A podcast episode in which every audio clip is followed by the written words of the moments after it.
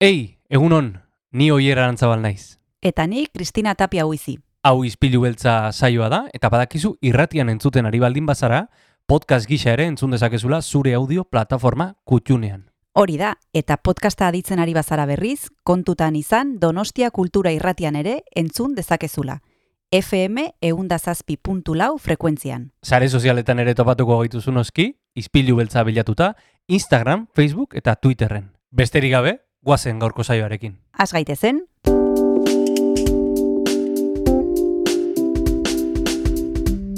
Ispilu beltza. Donostiako kulturaren berri, Oyer Arantzabal eta Kristina Tapia buizirekin. Egun honen zule aprilak amairu ditu, osteguna da, eta Donostia kultura erreten zuten ari zara, e, goizero bezala, ispilu beltzarekin gatoz.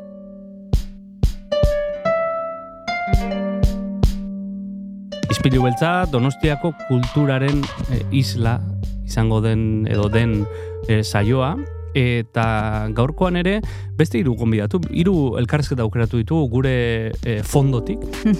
hiru elkarrizketa errekuperatuko ditugu, bi izango dira zinemarekin e, lotutakoak, batetik Pablo Malo izango dugu gurekin, zinemagilea da bera, eta larrotxenen ikastaroa eskaintzen du, Andoni de Carlos bezala ere, berak e, gidoiak egiten ditu, eta esan bezala larrotxenen e, ematen ditu bere, edo konpartitzen du bere ezagutza, eta gainera bukatzeko aizea barzenila, berak e, generoanen inguruko itzaldia eskaini zuen e, Santelmon, genealogia berriekin azten izena zuen, elkarrizketa oso polita izan genuen, eta horregatik aukeratu dugu berriro hemen eta berriro emango dugu.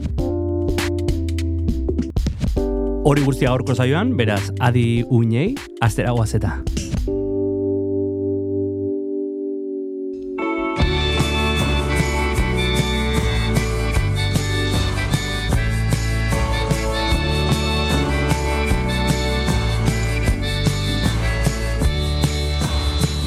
Banabil iparrean, banabil hegoan, batean naiz edean, bestea gogoan. Inork ez dit galdetu, mugan oraingoan, nondikan heldu naizen, edo noranoan, ibili naiz munduan, ene kantu maitez eta txalotu naute mira eder batez. Doatzu sentitu naiz nintzena izaitez eta ene herria aingora ikustez. Ala itzuli nintzen pozik eta baikor Baina barne barnean Muga bat beti hor. Hala itzuli nintzen Pozik eta baikor. Baina barne barnean Muga bat beti hor. Muga bat beti hor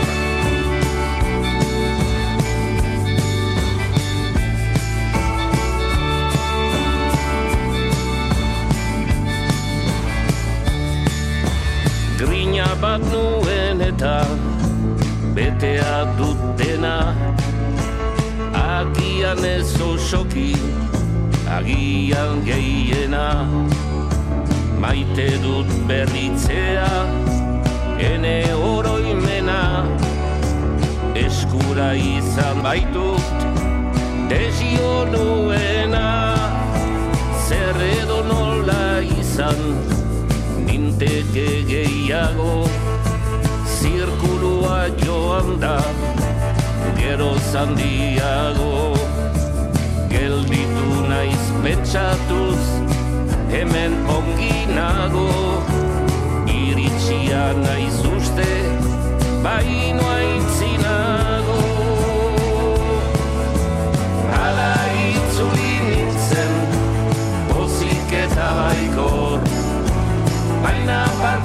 barnean Muga bat beti hor. Hala itzuli nintzen Pozik eta baikor Baina parte barnean Muga bat beti hor. Muga bat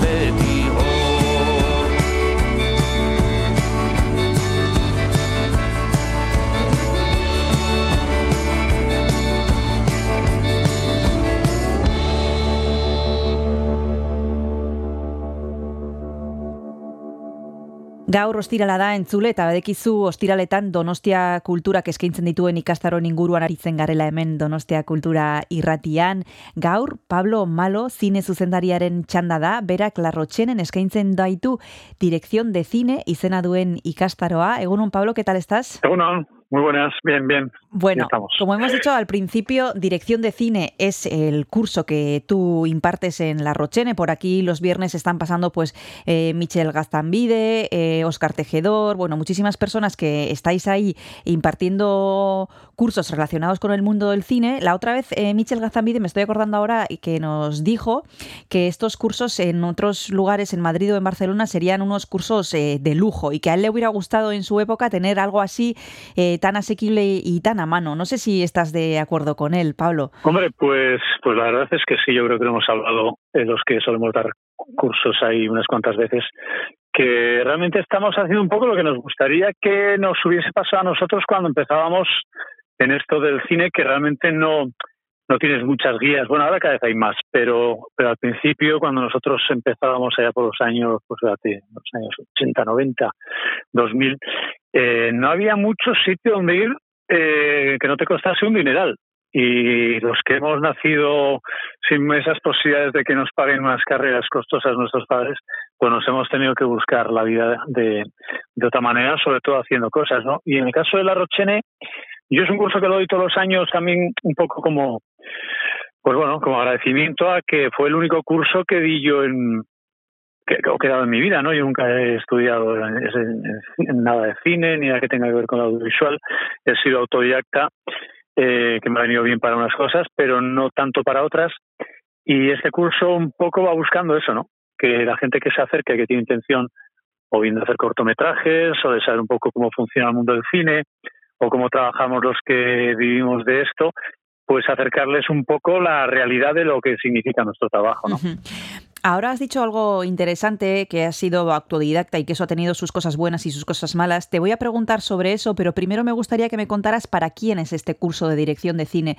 ¿Es para gente que ya esté vinculada eh, con este sector, gente que, bueno, que está encaminada a dedicarse de una forma profesional, no tiene por qué, se puede apuntar un jubilado? Cuéntanos un poquito para quién es esta formación. Pues pues mira, una de las cosas que más me gustan de impartir este curso es que, así como en otros lugares que llaman para dar cursos más profesionales, incluso a veces más técnicos, eh, a gente que, bueno, pues ya a lo mejor está un poco más involucrada en el mundo del cine o en escuelas en Madrid, Barcelona, en, en Sevilla, en Alicante, etcétera, este curso a mí lo que me gusta es que se presenta gente de todo pelaje, que se suele decir. Es decir, eh, llevamos ya años y, y impartiéndolos y, y, todos los años nos llevamos las sorpresas de que se presenta gente desde chavales de 18 años que quieren dedicarse al cine y es su primer contacto con, con esta industria o con esta realidad de lo que es hacer cine, hasta personas, como dices tú, pues que ya están jubiladas o que ya tienen una edad con su profesión y esto lo consideran como un entretenimiento y quieren acercarse un poco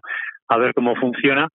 Y esa amalgama de gente a mí me gusta mucho porque empezamos de cero, por así decirlo. Yo les empiezo a hablar un poco del guion, no me entretengo mucho en el guion porque para eso está Doni Carlos o Michel Gazambide que, que los dan estupendamente, pero sí que vas contando un poquito eh, la realidad de lo que es hacer cine desde el principio, ¿no? Desde la génesis, desde lo que es el comienzo, lo que es una historia, hasta el final. Entonces, se presenta gente de todo tipo y es lo que a mí siempre me estimula mucho en este curso, ¿no?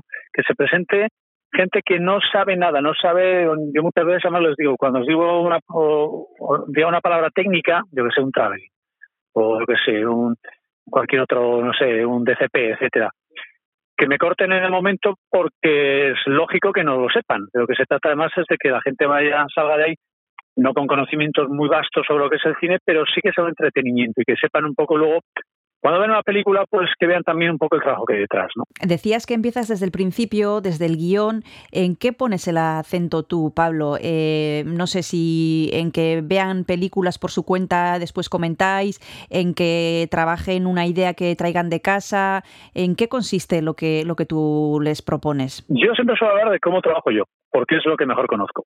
Es decir, eh, sé que hay gente que, por ejemplo, te pone una película sobre Martin Scorsese, que están muy bien, son además películas que merece la pena verse bastantes veces. Yo siempre suelo decir, son películas para ver primero nosotros como personas, como para disfrutarlas y luego cómo se han hecho, ¿no? Pero en, nuestro, en mi caso en concreto, yo siempre hablo un poco desde mi experiencia, de lo que he vivido yo, de cómo trabajo, eh, cómo te relacionas con la industria y por qué haces las cosas de esa manera y no de otra, ¿no? Porque haces un plano corto en un momento dado y no haces un traveling, o por qué trabajas con un actor de esta manera y con otro actor trabajas de otra, o por qué decides esta iluminación con el director de fotografía por un motivo concreto, o por qué el look que le das a la película tiene que ver con, con una idea determinada y no con otra. Entonces, lo que les hablo, lo que les cuento a, a través de ejemplos constantes, porque para mí una de las cosas que siempre me obsesiona, tanto cuando doy cursos como cuando trabajo, es no aburrir. Para mí, por encima de todo, está el entretenimiento. Una cosa luego que te gusten más las películas o menos, pero para mí lo que no tiene mucho pase es que te aburras. Entonces, en, en estos cursos son dos semanas muy intensas, pero sobre todo yo me desgasto mucho porque constantemente estamos eh, contando cosas. No es un curso teórico en ese sentido de tomar apuntes, cada uno que tome el apunte que quiera, por supuesto, pero es un curso mucho más eh, dinámico, más visual y más de ejemplos y de trabajar también ellos y, y ponerles a veces en, en el lado del director y cuando pasan ya unos días y empiezan a tener cierto conocimiento sobre el trabajo de un director, pues ya me gusta también que ellos empiecen a participar, ¿no? Que decían cómo lo harían ellos, cómo trabajarían ese plano, luego yo les digo cómo lo hice yo, etcétera. Entonces, es un poco que no sea un profesor alumno, que además siempre digo que no soy profesor de nada. Yo único que cuento es mi, mi experiencia y, y cómo he trabajado yo, cómo trabajan otros compañeros por, por charlas que tenemos, comentarios o que nos conocemos. Pero sobre todo eso, que, que sea dinámico, que la gente venga a la tarde, que viene de trabajar o de estudiar, o que viene de tener un día malo, yo qué sé, y, y, por lo menos se pase tres horas entretenido y no se pase tres horas como cuando ibas al colegio y no te gustaba la asignatura de matemáticas, ¿no? Dices, madre mía, ahora tengo una hora de matemáticas y no me apetece nada. Bueno, pues esto lo que se intenta es que, que te apetezca todos los días venir. Y de hecho, bueno, eh, la gente que se apunta al curso siempre vienen todos los días y bueno, el, el, eh, la gente que está ahí, pues eso, tiene un, un alto eh, está, están todos los días por así decirlo Sí, no o sea, sí, la, no, no la faltan. gente que viene no abandona no no hay una Mm, falta de mm, gente que a los mm. tres días abandonan lo dejan sino que bueno hay una constancia ahí no.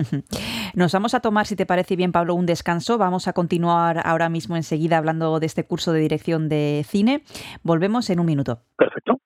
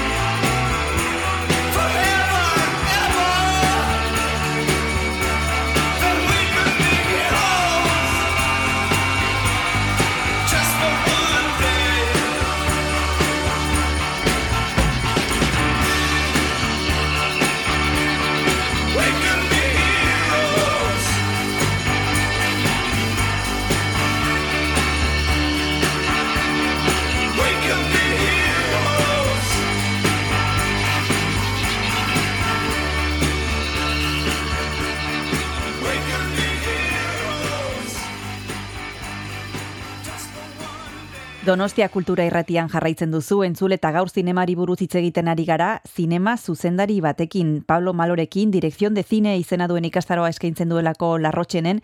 Estábamos hablando de que uno de tus objetivos en el curso es que la gente que asiste no se aburre.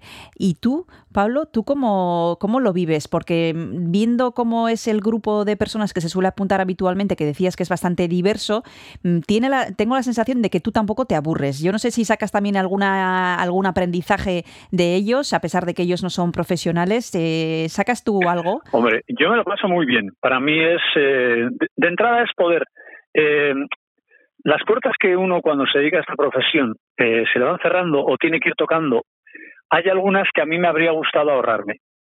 Y esas puertas que me habría gustado ahorrarme suele gustar contarlas también, ¿no? Es decir, este es un mundo en el que no es como una carrera de medicina o arquitectura que tienes que seguir unos pasos y si llegas al final eres arquitecto, o eres médico, otra cosa luego que seas bueno o malo, pero esto es como sacarse el carnet de conducir, ¿no? Te dan el carnet de conducir, pero no significa que sepas conducir, significa que tienes el carnet y puedes andar con un coche por ahí. Otra cosa luego ya los kilómetros que necesites hacer, ¿no? Para ser conductor o por lo menos saber conducir. Y en nuestra profesión es un poco lo mismo. Y a mí lo que me habría gustado cuando empecé es que me hubiesen dicho, mira, por aquí no tires, porque vas a perder el tiempo. O esta manera de entrar a veces no es la más adecuada o e, ese tipo de recorridos que cuando uno empieza no sabe muy bien por dónde tirar. Entonces, a mí sí lo que me gusta es que en las clases suele haber gente que se quiere dedicar a esto, sobre todo suele haber gente muy joven, a lo mejor chavales, pues lo que digo, chavalas de 18, 20, 25, 28 años, que sí que quieren a lo mejor dedicarse a la dirección de cine o por lo menos ver una salida profesional ahí, ¿no? Y de hecho yo hace unos años que hice un, cortometraje por, por encargo sobre la homofobia, la de tarde para el recreo, eh, me gustó llevarme, una de las condiciones que puse a los productores era que quería que, estuviesen gente de la Rochene en puestos, no de responsabilidad, pero sí como si aquello fuese un largometraje y, y viesen exactamente cómo se trabaja, ¿no? Entonces, ese tipo de práctica que en ese caso les vino muy bien a ellos y a mí también agradecí mucho y me lo pasé muy bien que estuviesen ellos allí y, vi cómo realmente resolvían los problemas que se le iban se les iban planteando. Yo me lo paso muy bien sobre todo porque veo muchas ganas de aprender y veo muchas ganas de preguntar y mucha curiosidad. Y creo que esta profesión cuando van pasando los años la curiosidad la vas perdiendo porque te profesionalizas. Y el hecho de encontrarte gente virgen en ese sentido a mí me, me engancha mucho porque me veo a mí hace 30 años y digo, esa chispa que teníamos nosotros cuando empezábamos la veo en, gente joven y, gente que a lo mejor viene y que sabes que a lo mejor tiene ya una edad en la que no se va a dedicar a ello, pero que siempre hace cortometrajes, gente a lo mejor tiene 50 años y de repente pues empieza a, juntarse con dos o tres o cuatro. Y sobre todo una cosa que siempre sale en la Rochene, todos los años lo comentamos con los responsables, con Unai, con John, con, con Gazambide, con etcétera, es que se van formando grupos gente que se relaciona con los demás y que se van reconociendo, ¿no? Gente que dice, yo voy a poder trabajar a gusto con, con esta persona, o esta persona mm, se va a dedicar más al guion y yo me voy a dedicar más a la dirección, o me gusta más la fotografía, y, se van montando grupos que luego trabajan entre ellos, van haciendo cortometrajes, y luego sabes de algunos pues que están en productoras, que están trabajando en, en otros sitios, y eso es una satisfacción, ¿no? Ver que, que realmente la gente se lo pasa bien, pero que también e incluso algunos están teniendo salidas profesionales por ahí. Hablabas de la juventud, Pablo, y yo no sé si esa juventud a veces también implica prisa, porque en este mundo que vivimos así tan rápido, en el que impera el aquí y ahora, eh, en el que se han impuesto también mucho las redes sociales, no sé si hay mucha gente, sobre todo los jóvenes, que van ya, que quieren a, rodar, al plano, que ya eh, tienen como muy claro lo que, lo que quieren y no sé si tendrían que parar un poquito y empezar más por el principio, como tú has dicho que empiezas a dar unas nociones de guion. No sé si eso te está pasando. Hombre, de entrada lo que uno consigue es que chavales jóvenes eh, puedan estar tres horas sin mirar el móvil. yo creo que ya yo, eso yo ya tenemos un logro, eh, que chavales, pues eso, como te digo, esas edades que están todo el día con TikTok, con Instagram y Facebook, etcétera, etcétera, pues estén tres horas eh, mirando una pantalla que no es la que han elegido ellos, sino la que has elegido tú por ellos, ¿no? y en ese sentido sí que es un logro. Luego sí es verdad que hay una inmediatez, lo que yo creo que nos pasa a todos. Yo eh, veo a veces eh, trabajos que he hecho hace 20 años y digo, yo aquí le daría un ritmo mayor a este plano, o esto ahora lo rodaría de otra manera.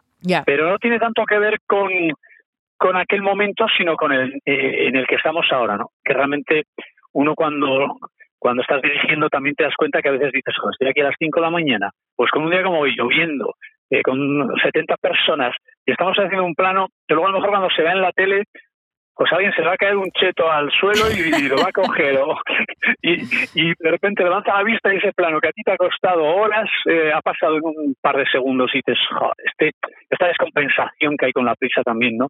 Que nos está ocurriendo, pero sobre todo porque yo siempre rudo para cine, y es una cosa que yo siempre les, les dejo muy claro a los a las personas que vienen a estos cursos es que yo siempre les hablo desde cómo haría yo las cosas no para la televisión, que es otra dinámica y es otro lenguaje, sino cómo hacemos las cosas pensando en una pantalla grande, ¿no? Y yo me, me- me sigo resistiendo a, a pensar en los planos como si estuviese haciendo televisión, que también la he hecho y tiene otras formas y otras maneras, pero lo que me sigue gustando a mí es trabajar pensando en el cine y pensando en pantalla grande y por eso me gusta trabajar también con la gente con esa idea, ¿no? De que vayan a contar algo que se pueda ver durante una hora y media sin necesidad de estar tocando un móvil o chateando con alguien y que te fijes en lo que te están contando en la Mm. pantalla. Pues ahora mismo vamos a seguir hablando de estas cosas tan interesantes que están saliendo en la conversación. Nos vamos a tomar el segundo descanso y volvemos ahora mismo.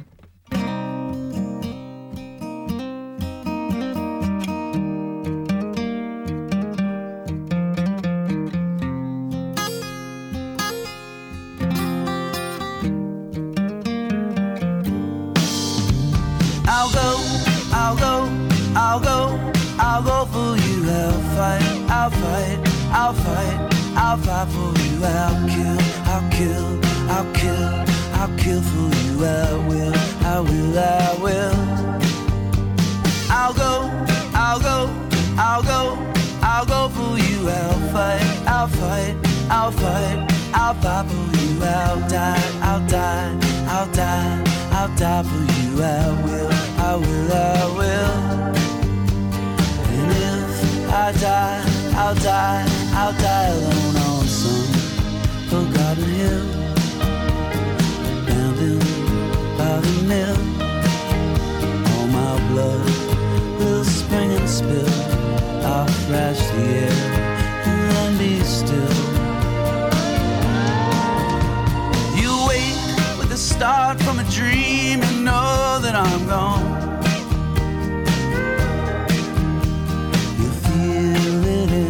Your heart, and not for very long. You rise each day as planned, your will is your command.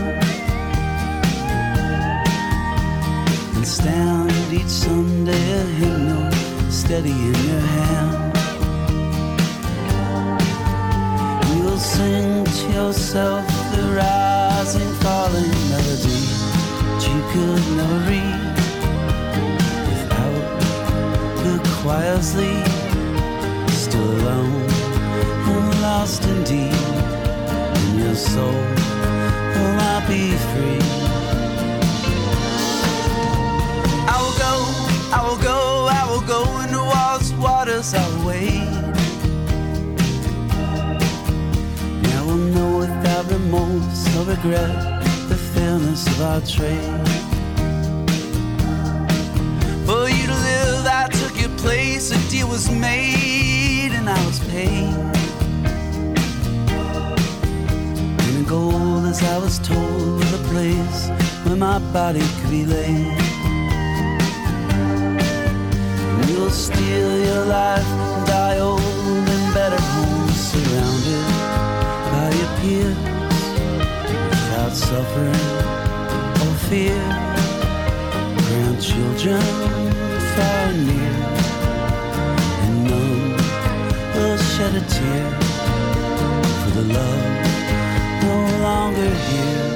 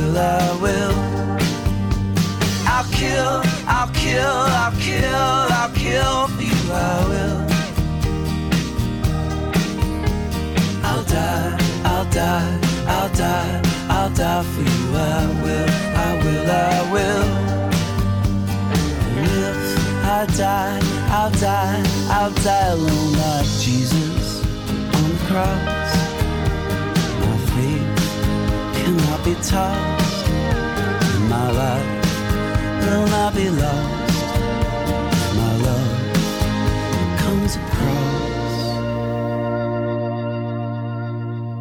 Pablo Malo daukagu telefonoaren beste aldean, zinema zuzendariak eskaintzen du direkzion de zine izena duen ikastaroa larrotxenen, eta aipatzen ari zen e, ze ezberdintasun dauden e, telebistan eta zineman. Las diferencias entre el cine y la tele, Pablo, mencionábamos ahora eh, que es diferente y yo no sé si mm, es muy diferente porque ahora muchas cosas se hacen directamente para tele, pero son directores de cine, está un poco como más mezclado, pero tú haces una diferencia, ¿no? Es que cu- cuando tú trabajas en una serie, por ejemplo, cuando estuve yo en una de las series, eh, éramos tres directores, cada uno íbamos haciendo dos capítulos. Con lo cual también la productora y la televisión lo que te pide es que nos eh, uniformemos un poco todos, ¿no? Es decir, eh, yo siempre digo que tú coges un mismo equipo con una misma historia, pero un director distinto y salen películas completamente diferentes. Con los mismos actores, etcétera, y las mismas localizaciones, salen historias mm, distintas. ¿Por qué? Pues porque ahí está la mirada. Así como tú para ese, para aprender sonido o fotografía eh, son lenguajes que tú necesitas una técnica y necesitas estudiarla y aprenderla, hay autodidactas, pero no es tan fácil. Los autodidactas son gente que, que en el cine van escalando eh, porque es una profesión muy piramidal, ¿no? Lógicamente. Entonces, el chaval que empieza en meritorio con sonido, pues él, su, su idea es acabar en unos años siendo él el jefe de sonido, etcétera, ¿no? Y vas aprendiendo. Si no, eso lo tienes que aprender a base de, de estudio. Pero en, la cuestión de la, eh, en la dirección de cine, mm, tiene más que ver con la mirada. Es un poco como cuando te cuentan un chiste, ¿no? Hay gente que te cuenta un chiste y te partes de risa, y quien te cuenta un chiste y te quedas exactamente igual. ¿no? ¿Por qué? Pues porque ahí depende ya de cada uno cómo, cómo cuenta las cosas. Entonces, cuando tú haces una serie de televisión, tienes que un- uniformarte en el sentido que no tiene que parecer que un capítulo lo ha dirigido uno y otro lo ha dirigido otro porque saltaría mucho.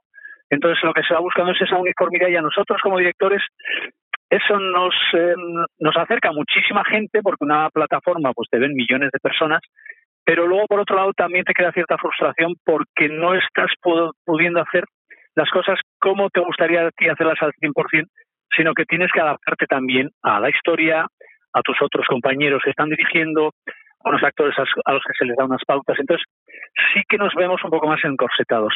En el cine seguimos siendo autores, aunque sí es verdad que cada vez pues se están pidiendo más historias mm, con menos riesgo porque realmente estamos en unos momentos en el que todo el mundo nos hemos convertido en censores de, de lo demás y de lo que hacen el resto y nos levantamos por la mañana todos con mucha intención de ofendernos por todo lo que pasa en los alrededores y entonces eso nos ha quitado brillo y nos ha quitado espontaneidad. Es una pena, pero bueno, es son los tiempos que vivimos y es a lo que nos tenemos que adaptar, ¿no? Pero sí que la televisión eh, y el cine afortunadamente siguen siendo mundos distintos, pero sí es verdad que ahora se mete mucho más dinero en las producciones en, en televisión y por lo tanto eh, cuando te llaman para trabajar en, en, en televisión no dices que no de entrada porque es dinero y luego porque sabes que es un trabajo que va a tener una audiencia pues, pues mundial ya en estos momentos, ¿no? Porque tú estás en Netflix o en HBO y sabes que esas eh, series pues se van a acabar viendo en México, se van a acabar viendo en Taiwán o se van a acabar viendo en, en, Austria, ¿no? Mm. Y hablabas de la mirada, Pablo, otro concepto interesante que yo no sé si eso se puede aprender o si eso también es práctica o si eso se tiene o no se tiene, porque es algo bastante, bastante etéreo, ¿no? Eso de la mirada. Eh, yo creo que eso no se aprende, o sea, lo puedes ir eh, profesionalizando, puedes ir a un momento que, que, bueno, pues que adquieras suficientes conocimientos como para por lo menos contar una historia sin que eso sea un churro, pero la mirada de cada uno es como, como me imagino, yo no he estado nunca, pero los talleres de literatura, ¿no? Te pueden enseñar unas técnicas de escritura, pues como el guion, Gazambide o Antonio Carlos les enseñaban las técnicas, pero vas a poder escribir como Gazambide, pues unos escribirán eh, mejor, peor, regular, no sé qué, pero cada... Eh, es difícil, yo creo que, que, que tiene que ver mucho con, con, con, la, con el talento de cada uno, sea mayor o menor, pero sí que es verdad que ese tipo de cosas es lo que decimos los talleres literarios. Pues te van a enseñar técnicas, pero lo que tienes tú que contar en el folio en blanco ya va a depender de, de las lecturas que tenga uno, de los conocimientos, etcétera, etcétera. Entonces, yo siempre les recomiendo que vean mucho cine, porque creo que es, por ejemplo, es como he aprendido yo viendo muchas películas, que muchas sean muy buenas y otras sean muy malas. Y, y, claro, ahora intento evitar las malas, pero en su momento me las he comido todas también para saber qué es lo que fallaba, ¿no? Claro. ¿Por qué una película es tan mala? Porque nadie se pone a hacer una película pensando que le va a salir un churro. Claro. Todo el mundo se pone a hacer una película pensando que va a hacer una obra maestra y que se va a codear con Spielberg en los Oscars. Pero eh, al final salen las cosas como salen y uno también tiene que analizar por qué a este o a esta le ha salido mal esto, ¿no? Porque eh, esta historia que a lo mejor sobre guion se ve que había un guion que estaba muy bien, ¿por qué se ha torcido? ¿no? A mí ese tipo de cosas siempre me inquietan mucho, ¿no? Saber cuándo se tuerce una historia, en qué momento eh, eso se ha ido al carajo. Porque hay veces que ves un guion y dices, esto no había quien lo salvase. Pero si hay otras veces que dices, es que eh, la materia prima era muy buena, estaba muy bien, esta historia funciona muy bien. Y yo cuando estoy en las clases siempre les comento eso, ¿no? Porque nosotros luego se graba a final de año del curso eh, un cortometraje en base a los guiones que, nos traen de los cursos de, de y de Antonio Carlos, ¿no? Y ves momentos que dices, bueno, este guion estaba muy bien y sin embargo no ha salido tan bien. ¿Por qué ha ocurrido? O lo contrario, ¿no? Era un guion que, bueno, que tenía sus dificultades, pero sin embargo el, el curso de dirección han conseguido hacer un, un corto muy, muy majo, ¿no? Esa magia del cine es la que también nos atrapa a los que nos dedicamos a esto, ¿no? Que no sabemos muy bien qué resultado vamos a tener, ¿no? Este arte de la renuncia que es el cine, ¿no? Que siempre tienes que estar renunciando a cosas porque el cine cuesta mucho y lógicamente no puedes tenerlo todo, ¿no? Pero esa es una parte de la magia y bueno, pues eh, en eso estamos también, ¿no? Para terminar, Pablo, me gustaría que me dijeras eh, algunas películas que son imprescindibles, que tenemos que ver eh, todos, algunas de las que recomiendas tú, algunas de las que te han marcado. ¿Qué tendríamos que, que haber visto sí o sí? Malísimo, yo soy malísimo para dar, para dar títulos porque te podría decir yo qué sé, pues a mí me encanta uno de los nuestros, uno de los nuestros de Martín Scorsese, pero, pero no me gusta todo lo de Scorsese, igual que Almodóvar tiene películas maravillosas como Atame, eh, que hoy día no podría rodarla, ¿no? Por, por, supuestísimo, pero luego tiene otras cosas que no me interesan nada, ¿no? O yo qué sé, La lista Slinder y Salvador Soda Ryan o Tiburón de Spielberg son maravillosas y bueno, pues pues por, por irnos a cosas más concretas, por ejemplo, eh, un, director que además es amigo, que es Luis Orogoyen, que tiene una película como Asbestas o El Reino, que Dios nos perdone, es un director interesantísimo. O Cinco Lobitos es una película estupenda y extraordinaria también que creo que no hay que, que, no hay que perderse. Pero todos los directores tienen afortunadamente varias películas o unas cuantas películas que merecen la pena.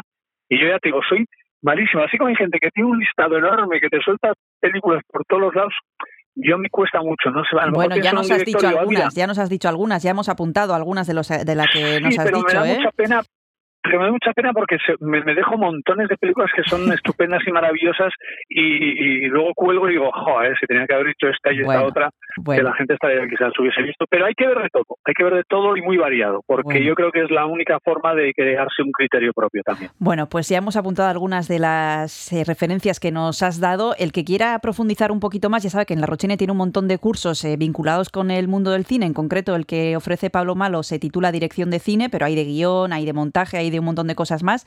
Muchas gracias, Pablo Malo, por haberte acercado a Donostia Cultura y Ratía.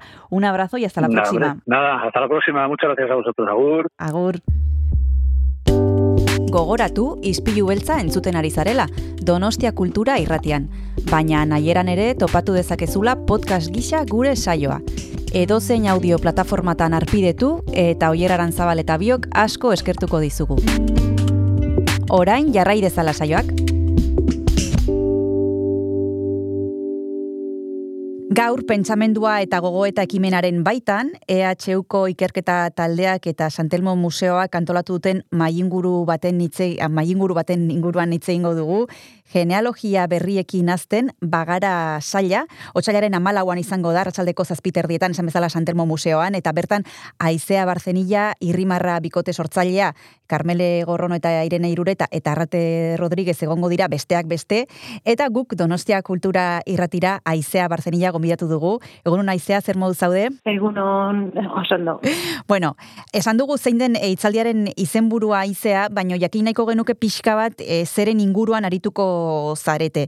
E, zein da landuk behar duzuen gaia? Bueno, ba, gai nagusia da, e, bagara bilduma orkestea, dela garazian sak eta biok tamielarekin batera sortu dugun album ilustratuen e, bilduma bat, Mhm. eta, bueno, horren ale batzuk aurkeztea, eta gero gure ikerketa proiektuarekin lotuta horri begiratzea ere bai gorputzaren gaitik zehazki. Mhm.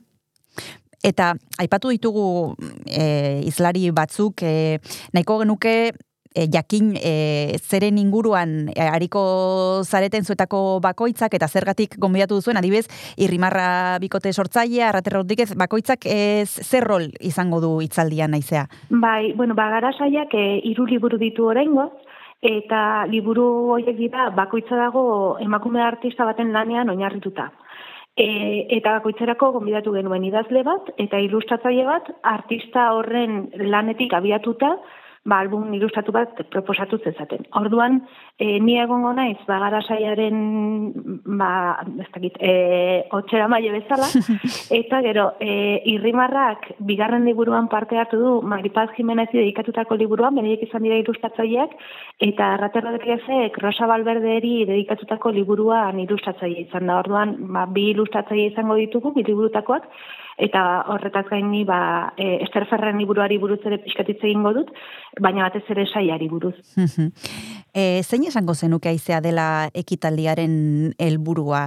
Aipatu dituzu e, ba, pixka bat zein diren gaiak, jorratuko dituzuen gaiak eta zein egongo diren bertan, baina honek ze helburu du jardunaldi honek? Bueno, alde batetik nahiko genituzke ezagutarazi gure liburu hauek, e, iruditzen zaidulako, mm, bueno, sortu genituanean edo ideia sortu zitzaigunean, em, emakume artisten lanak oso ez ezagunak direnez, modu ona izan zitekeela e, aurrekin, e, ba bueno, hori pixkat ezagutarazteko, aurrei e, helduarazteko modu natural batean jolasaren bitartez eta erabiliak artistauen praktikak e, nolabait umen unibertsitzara hurbilduta, ez?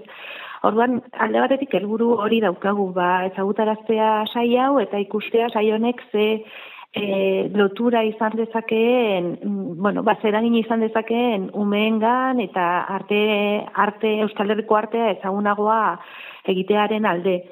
Mm, Baina gero bestalde batetik gure ikerketa proiektu honetan egiletasuna, gorputza, literatura eta artean lantzen ditugu eta egia da, e, ba, bueno, landu ditugun emakume artista hauek gorputzarekin harreman berezia daukatela bakoitzak desberdina, baino badaudela hor eh, hainbat gai gure ikerketa hildoekin ere lotzen direnak, Orduan, hoiei ere heldu nahiko genieke, adibidez, Ester Ferrerren kasuan, ba, performantza oso agerikoa da, eta gorputza da bere tresna artea egiteko orduan, eta iruditzen zaigu interesgarria umeek ere ulertzea, ba, gorputzaren erabilera hori, edo gorputzarekiko harreman hori arte praktikan, baina beraien gorputzarekin ere izan daitekeen harreman bat, ez? Orduan, esango nuke bi helburu horiek daudela. Alde batetik gorputzaren gaia lantzea album hauen bitartez, baina baita ere emakume hoien lana ezagutaraztea eta baita ere gure gure liburu hoiek, ez? Uste dugulako ba proiektu polita dela eta erabilgarria izan daitekeela. Aipatu dituzu bi gai oso interesgarri, hain, ba- hain zuzen ere bi helburuak e, dire, e, batetik e, gorputzaren gai eta bestetik e, euskal emakume hauek ezagutaraztea.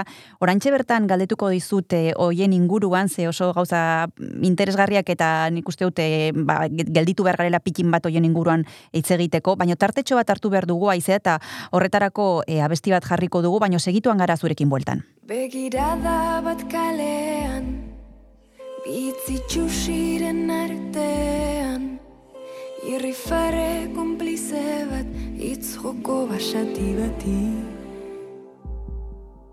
Nire izanik ez karteletan Nire izanik ez papeletan.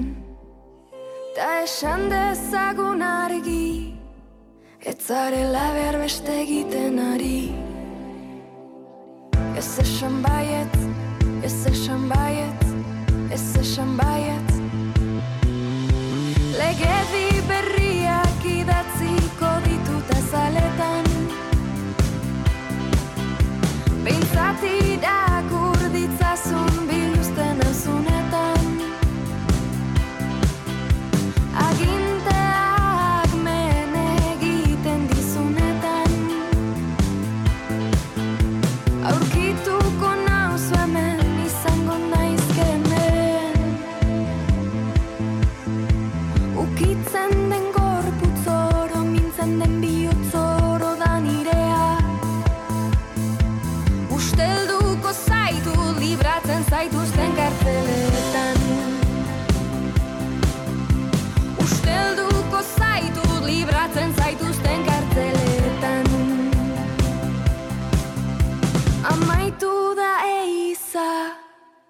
Luzegia da zure krimenen geriza. Bizi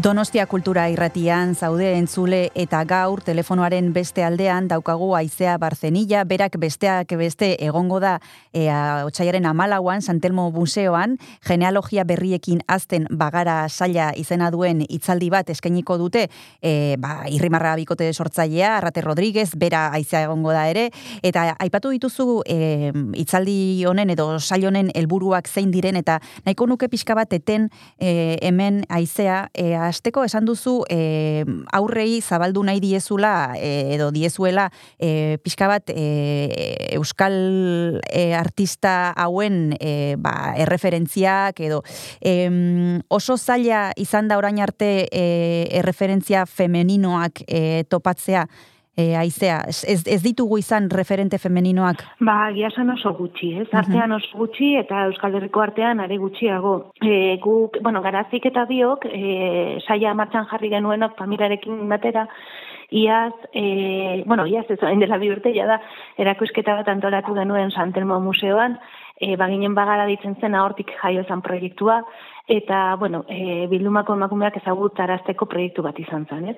Eta hor konturatu ginen, ba, bueno, ba, erakusketa baliagarria izan zitekela horretarako, baina oso aldi bateko kontua zala, ez? Aldiz, ikusi genuen, ba, behar direla beste, beste errekurtso batzuk, beste erreminta batzuk, e, presenteago daudenak egunerokoan. Eta hor, kon, bueno, kontziente gara, emakumeen presentzia eguneroko e, bizitzan, emakume artistena gizonena, baina askoz ere murritzagoa dela, salbuespenak salbuespen, ikustu denoi dazkigula burura Frida Kahlo, ez? Bai.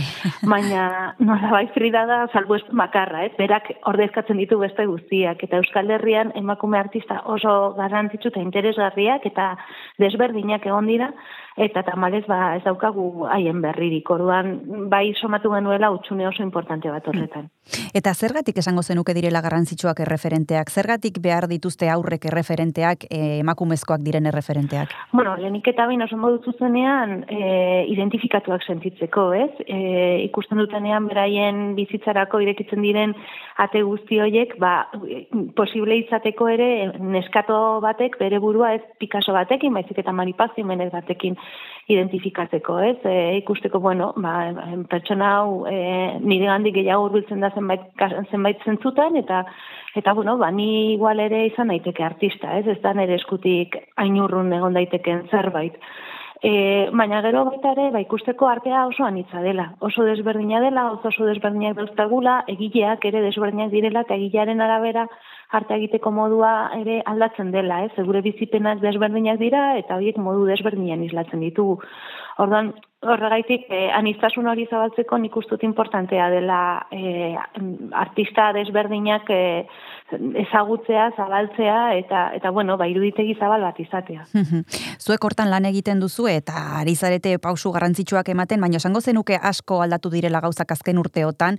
E, gaur egun e, aurrek duten iruditegia, e, bueno, zabaldu eginda, e, ezakit ze sentsazio daukazunzuk. Ba, nik uste dut, e, arteari dagokionez oraindik ez dela horren beste zabaldu. Uste dut ikerketan badagoela aurrerapena, eta uste dut adibidez artista gazteen kasuan, ba, ikusi dugu azken urteotan sari gehiago eman dizkietela emakumeei, emakume gazte gehiago egin dituzte erakusketak, ba, pentsatzen nahi naiz, Amaris Pan, Satxa Jauregi, baina hori ez dut uste umeen mundura edo, edo publiko orokorraren mundura hain erraz iristen denik. Nik uste dut hor oraindik eh, muga handiak daudela, eta batez ere uste dut atzera begira gure artearen historiari begira, ez? Aurreko belaunaldiei begira hor bai zulo ikaragarri da, dagoela, eta asko edo hori galdetuta ez bakarrik umei, helduei ere zeintzuk diren, ba, gure artean historiako emakume artista referentzialak uste dut oso jende gutxik alko zuela erantzun edo.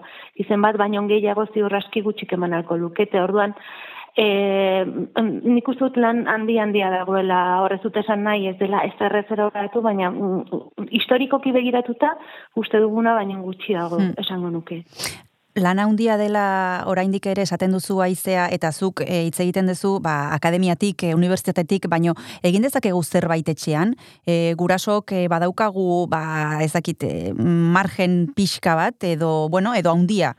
Zakit. Bueno, a ber, margen pixka bat badago, nik uste dut, azle batetik liburuak horretarako tresna bat izatea nahi genuen, e, etxean ere eta eskolan landu izateko tresna bat, Gero, egia da, e, gero eta museo gehiagok, Euskal Herriko museo gehiagok, emakume artisten lanak jartzen dituztela bilduman ikusgai. Lehen oso zaiatzen hauek ikustea, baina orain, ba, gutxinaka hori zorionez aldatzen ari da, orduan museoi bizitatzerako, museoak bizitatzerakoan, ba, artelan hoiei e, ba, nola baite, e, jora dakagu jada ezagutzen dugun lanetara jotzera hmm. igual umeekin, hmm. hor dago txigida, hor dago teita, hmm. hor dago zumeta, ez? Ba, igual, e, esfuartu txiki bat egitea, eta musora juna horretik lan hoiek pixkate interneten begiratzea, iristerakoan basateko bat begira, hau, ez dakit norren rosa balberderen lan bat da, ez? Eta guazen ikustea, eta ze iradokitzen dizuta, kuadroien aurran denbora pasatzean ikuste dut orain gozori dela egin dezakeguna, eta gero, ba, exigitzea instituzioei, gero eta ikerketa eta erakusketa gehiago eskaintzea emakume hauei merezi dituztelako. Ze, e, ari naiz pentsatzen, e, deabruaren abokatua izango banintz, esango nizuke, bueno, hori e, orain egiten duzue kuotak e, ba, pixka bat e, jartzeko martxan, baino e, benetazko kalitatea daukate emakume hauek, egon daitezke gizonezkoen parean beraien lanak, edo jarri beharreko gauza bat da, ba, ba, berdintasun bat egoteko ba, museo batean adibidez. Bueno, alde alde batetik, e, lehenengo gauza esango nukena da, kalitatearen irizpidea dela irizpide kanoniko bat. Uh -huh. dela kulturalki, e, adostu ditugun e, zenbait e, kategoria edo zenbait elementu elkartuta. Eta horiek ez direla e, objetiboak, baizik eta oso subjetiboak. E, orduan, nerezako kalitatearen irizpidea dut esango erabat baztertzen dudanik, baina bai e, horrekin pixkat mesfidati naizela, zer adibidez, esaten du eskultura pintura baino nobeagoa denik. Eta aldiz Euskal Herrian eskulturari lehentasuna jo beste lekuetan emanetza jonean, ez? Hori irizpide kultural bat da, lotuta dagoena, ba, balio batzuekin momentu zehatz batean indarra izan dutenak. E, ordan ikuspegi horretatik badaude e, emakumeak igual kanon horretan sartzen ez direnak, e, beste kanon batzuetan edo beste bide batzuetan ibili direnak eta lan oso oso interesgarriak egin dituztenak, baina esango nuke, ba, bere momentuan ez zirela e, hildo nagusia hilotu eta horregaitik gaur egun agien kalitatearen zentzu hori zelantzazkoagoa e, izan ezakegula, ez? Baina eske inkluso kanon horiek hartuta, badaude adibidez emakume pintore oso importanteak, e, ba bueno, e, ikuspegi e, esan dezagun kalitatearen ikuspegi horretatik ere bai, baldintza guztiak betetzen dituztela, ba Maripa Jimenez bera edo edo pentsatzen nahi naiz e, Maripuri Herrero, E, eta eta haiek ere zute ikusgarritasuna izan. Orduan, nire ustez badago argi hor badaudela e, bueno, ba, beste irizpide batzuk ez direnak elitzatearenak beraien lanaren eragina izan dutenak eta nik uste dut badela momentua e, kanonaren ikuspegi hori zabaltzeko eta kalitatea zer den edo kalitate mota desberdinak baloratzeko horrek gure artearekiko ikuspegia abera gastuko duelako, besterik ez egingo orduan nik uste dut ez dela bakarrik kuota kontua, naiz eta egia den ba, horretan asko insistitutzen ari garela azken garaian ere baliabide bezala. Hmm. Aipatu duzu aizea kontzeptu oso interesgarri bat eta da ikusgarritasuna, ez? E, lanak antzekoak e, izan da, emakumeak beti e, zailtasun askoz gehiago ditu bere lana e, erakusteko, ba, bueno, hainbat e, arrazoi direla eta ez, eta hori ere ba, bueno, horrela dela aitortu behar dugu, gero lana independienteki e, bueno, baloratu alizateko edo ez, baino e, ikusgarritasunaren kontzeptu hori e, bueno, e, guretzat zailagoa da, ez? Bai, asko zailagoa, eta hori gainera oso ondo ikus daiteke museoen erakusketen e, bueno, ba, olako e, begirada bat botatzen. Ikusten baldin badegu zein edikatzen dizkieten erakusketa nagusiak museoek, Euskal Herriko museoek, ba, oso erraska konturatzea, azkeneko urteetan izan ezik, ba, dibidez artin museoak, edo tabakalerak emakume artiste batzuei e, erakusketak eskaini dizkiela, e, ba, gizonezkoek beti izan dituzte erakusketa askoz gehiago arte erretako museoa bilbonda eredurik behar bada ikusgarriena, non emakume bakar batek izan du erakusketa handi bat azkeneko ia berroi urteetan, ez? Izan dana Israel Bakedano. Orduan, eh, claro, kopuru hoiek ikusita argi dago normala dela gizonezkoen lanek osatzea gure iruditegia, asko zer aukera gehiago dauzkagulako haiek ikusteko, eh? Erakusketen aldetik pixka bat aldatzen ari da, batez ere instituzio zehatz batzuetan azken urteetan, eta zentzu hortan ba, e, ikuspegi positibo bat ere eman behar dugu, baino, baina bueno, oraindikan egin beharreko lana oso handia da, eta ez da instituzio guztietan gertatzen ari. Eta ikusgartasuna funtsezkoa da, azken finean, erakusketetan museoetan topatzen ditugu emakume hauek, eta lan hauek artearekin gure elkarketa lekoietan ematen da gehienetan, ez? Orduan, emakumeen presentziarik ez baldin badago nola ezagutuko ditugu eta nola jakingo dugu ere kalitatea daukaten edo ez, ez, ez, ez, dugu ez eztabaida hori. Hori da. Oraintxe bertan jarraituko dugu gaionen inguruan hitz egiten naizea oso gauza interesgarriak ateratzen dira eta baditut e, galdera pare bat oraindik ere zuri botatzeko baino tartetxo bat hartu behar dugu eta segituan gara zurekin bueltan.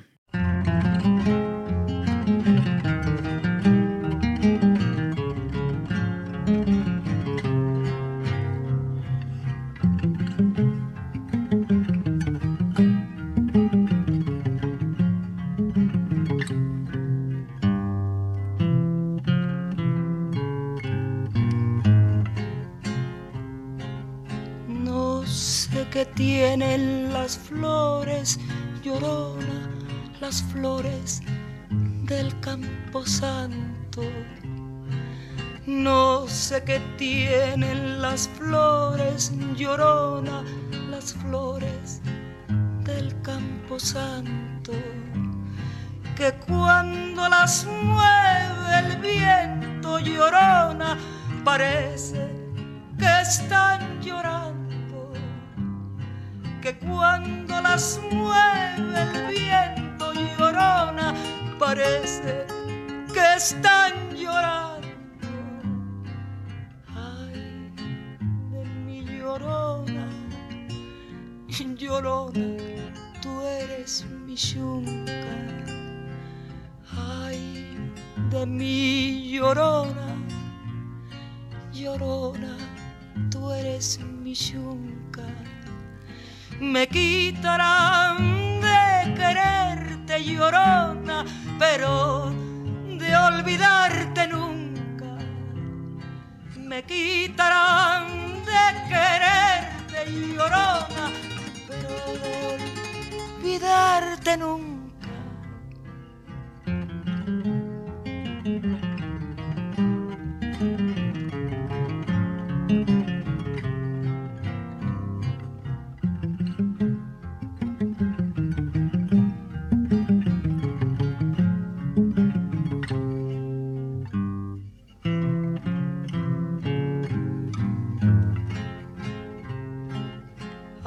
Santo Cristo de fierro llorona mis penas le conté yo. A un Santo Cristo de fierro llorona mis penas le conté yo. Cuáles no serían mis penas llorona que el Santo Cristo lloró cuáles no serían mis penas llorona que el Santo Cristo lloró. Ay, de mi llorona, llorona de un campo lirio. Ay, de mi llorona, llorona de un campo lirio. El que no sabe de amores llorona, no sabe lo que es martirio. El que no sabe de amores llorona, no sabe lo que es martirio.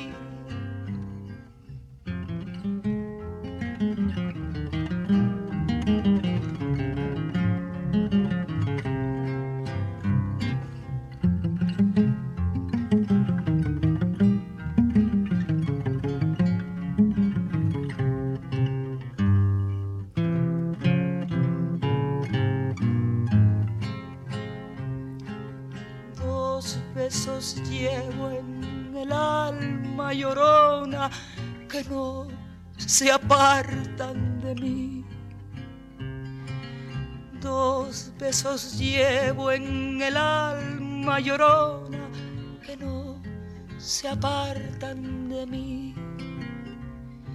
El último de mi madre llorona y el primero que te di. El último de mi madre ay, llorona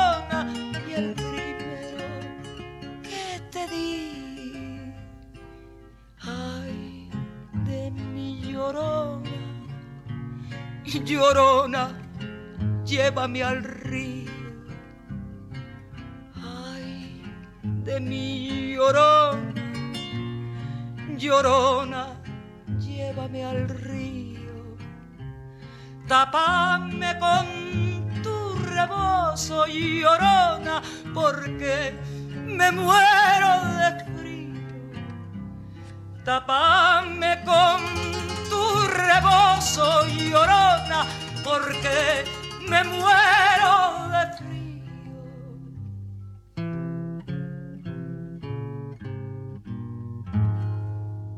Genealogia berriekin azten bagara saila izena du hitzaldiak, otsailaren amalauan entzuteko eta ikusteko aukera izango dugu, Santelmo Museoan arratsaldeko zazpiterdietan, pentsamendua eta gogo eta ekimenaren baitan, EHUko ikerketa taldeak eta Santelmo Museako antolatu dute, eta besteak beste gongo dira, bertan aizea barzeniak guk gaur, Donostia Kultura irratira gonbiatugu, eta telefonoaren beste aldean e, daukagu. Aizea, ipatu dituzu gauza oso interesgarriak oraintxe bertan, eta hoiei tiraka, e, gustatuko leitzaiak jakitea zure iritziz, ere eragina daukan ba orain arte ia ia e, erakunde aipatu ditugun erakunde guzti hoietan e, gizonezkoak egon direla e, goin, goiko partean, ez? Goiko e, piramidearen puntan eta nik ezakit horrek ere eragina daukan ba emakumeen ikusgarritasun eza horretan. Eh, batean badu, bai. Eh, batean badu, baina bueno, bai azpimarratu nahiko nukeela eh, ez dala, eh, bueno, patriarkatua ez dala gauza bat eh, banakakoi bakarrik eragiten diena, baizik eta gizarte osoari. Esan nahi dut, eh, garai batean, eh, pentsamendu orokorra patriarkala baldin bada, batzuetan emakume batzuk boterera iristen diren arren, pentsamendu patriarkal horren e, adierazleri izan daitezke, eta hor adibiderik ohikoena tatxer da, ez? Bai. e, emakume izateak ez dizu ziurtatzen emakumeen lanekiko e, sensibilitatean diagoa izango duzunik. Baina, bueno, e, egia da Euskal Herriko instituzioetan, orain dela gutxi arte, gizonak izan direla nagusi, eta gizon horiek egon direnean orokorrean, e, emakume askoz ere ikusgarritasun gutxiago izan dutela, eta, bueno, ba, adibidez, tabakaleran eta artiumen emakume zuzendariak sartu direnean, hor aldaketa bat ere egon dela, ez? Aldaketa bat edo bintzat joera aldaketa batzuk nabari izan ditugula. Em, esan dakoa, ez da, ez da beti kasua, e, ez, ez da gauza matematikoa, baina emakumeek e, hauztatzeko aukera handiagoa daukaten enean, nik dut pentsamentu feminista ere e, sartzeko aukera handiagoa egongo dela. Nire ustez batez ere da planteamentu feminista bat ote dugun edo ez dugun, ez? Gizon batek ere irizpide feministak aplikatu ditzake momentu batean, e, adibidez Montermoson gastatu zen bezala, arakisekin, e, baina, bueno, e, emakumeek aukera gehiago izatea, eta esparru erabaki horre horietan leku handiago izatea funtsezkoa dela iruditzen zaite ere.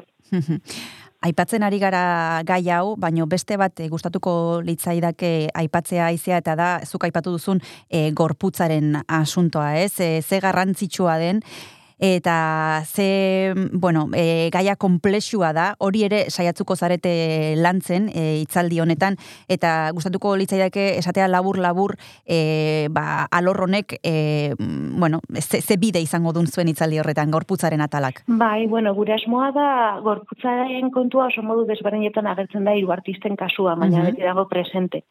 E, Ester Ferrerren kasuan lehen aipatu dut, e, argiena da, e, performanzarekin han egiten du berak, eta berak askotan esaten du, bere tresna dela, bere lehen tresna bere gorputza dela, Baina, bera delako, ez eskuragarri daukan gauzarik urbilena. E, baina, bueno, Maripaz Jimenezen kasuan, badauka e, margo talde oso importante bat, oso gutxi kertu dena, egin zuena berrogei, berrogei tamargarren amarkadan, dela pintura figuratiboa eta bertan emakume ikituak agertzen dira e, Maripaz bera e, emakume ikitu bat zelako, ez?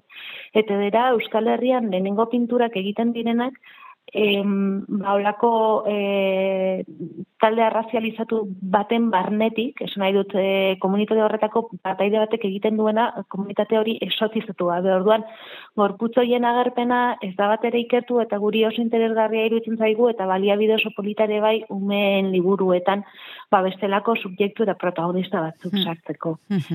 Eta gero Rosa Valberderen bai. kasuan, gorputza ez dagoen presente, zeberez Rosa Valberderen kutsen inguruko hmm. e, liburu bat da, eta hmm. orduan objektuak daude, baina objektu horiek afektu ezkargatuta daude, hor emozioak ageri dira, ez?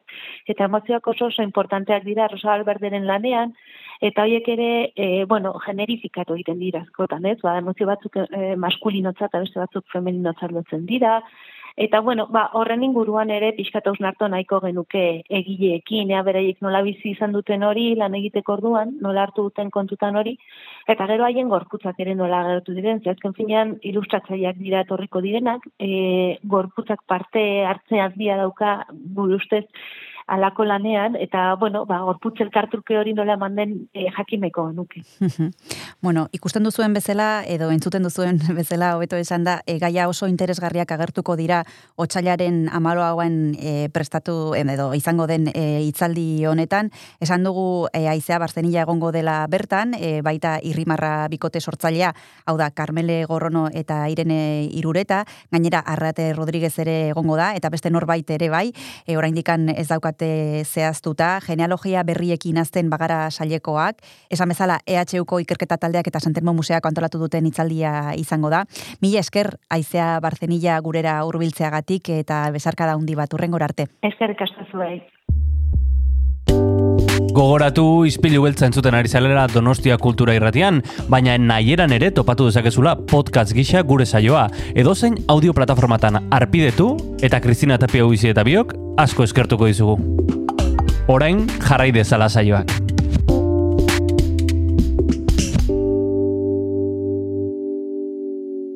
Hasieran esan dugun bezala, Andoni de Carlos da gure gaurko gonbidatua, berak larrotxenen e, gidoigintzari buruzko ikastaroa eskaintzen du, duela oso egun gutxi egun ginen hemen hitz egiten Michel Gaztan biderekin, Donostia kulturak badekizue ikastaroak eskaintzen dituela, eta larrotxenen hau da hoietako bat, gidoitzin, gidoigintzari buruz barkatu hitz egin dugu, dugu gaur berarekin, egun hon, Andoni zer modu zaude? Eixo, egun zondo. bueno, azteko gustatuko litzaikoke badekigu elkarrizketa egin genuela, duela hilabete hilabete batzuk, baina bueno, bariteke norbaitek e, ezentzun izana, eta azteko gustatuko lizaiguke jakitea zer ikasiko dugun e, zurekin larrotxenen andoni, zer prestatzen duzu ikastaro hauetan? Ba, bueno, ikastaro da, gidogintza astapena, eta da, ba, gidogintza base-bazia, oza, asiatikan. E, eta gero ikasle, sortzen ikasle taldeari egokituta. Zate, bueno, azkenean, e, ba, parean duzun ikasle horrek, ez da, ba, e, egiten du bat, batzutan etortzen jendea eskarmentu gehiagokin, beste batzutan gutxiokin, eta bueno, baina esan dakoa, edo zein apuntatu daiteke, eta ideia parte zeuki ezarren, eta eh, astapena dira, beraz, denak dira ongi etorriak. Mhm. Horren inguran galdetu nahi nizun, Andoni, bitu, eh, esan bezala, eh, duela aste batzuk, eh, Mitxel Gaztanbiderekin hitz egin genuen, eta berak azpimarratzen zuen ikastaro hauen eh, gauzarik ba, garrantzitsuena edo interesgarriena zela hori justu zuk aipatu duzun hori ez, edo zeinek eman dezakela izena.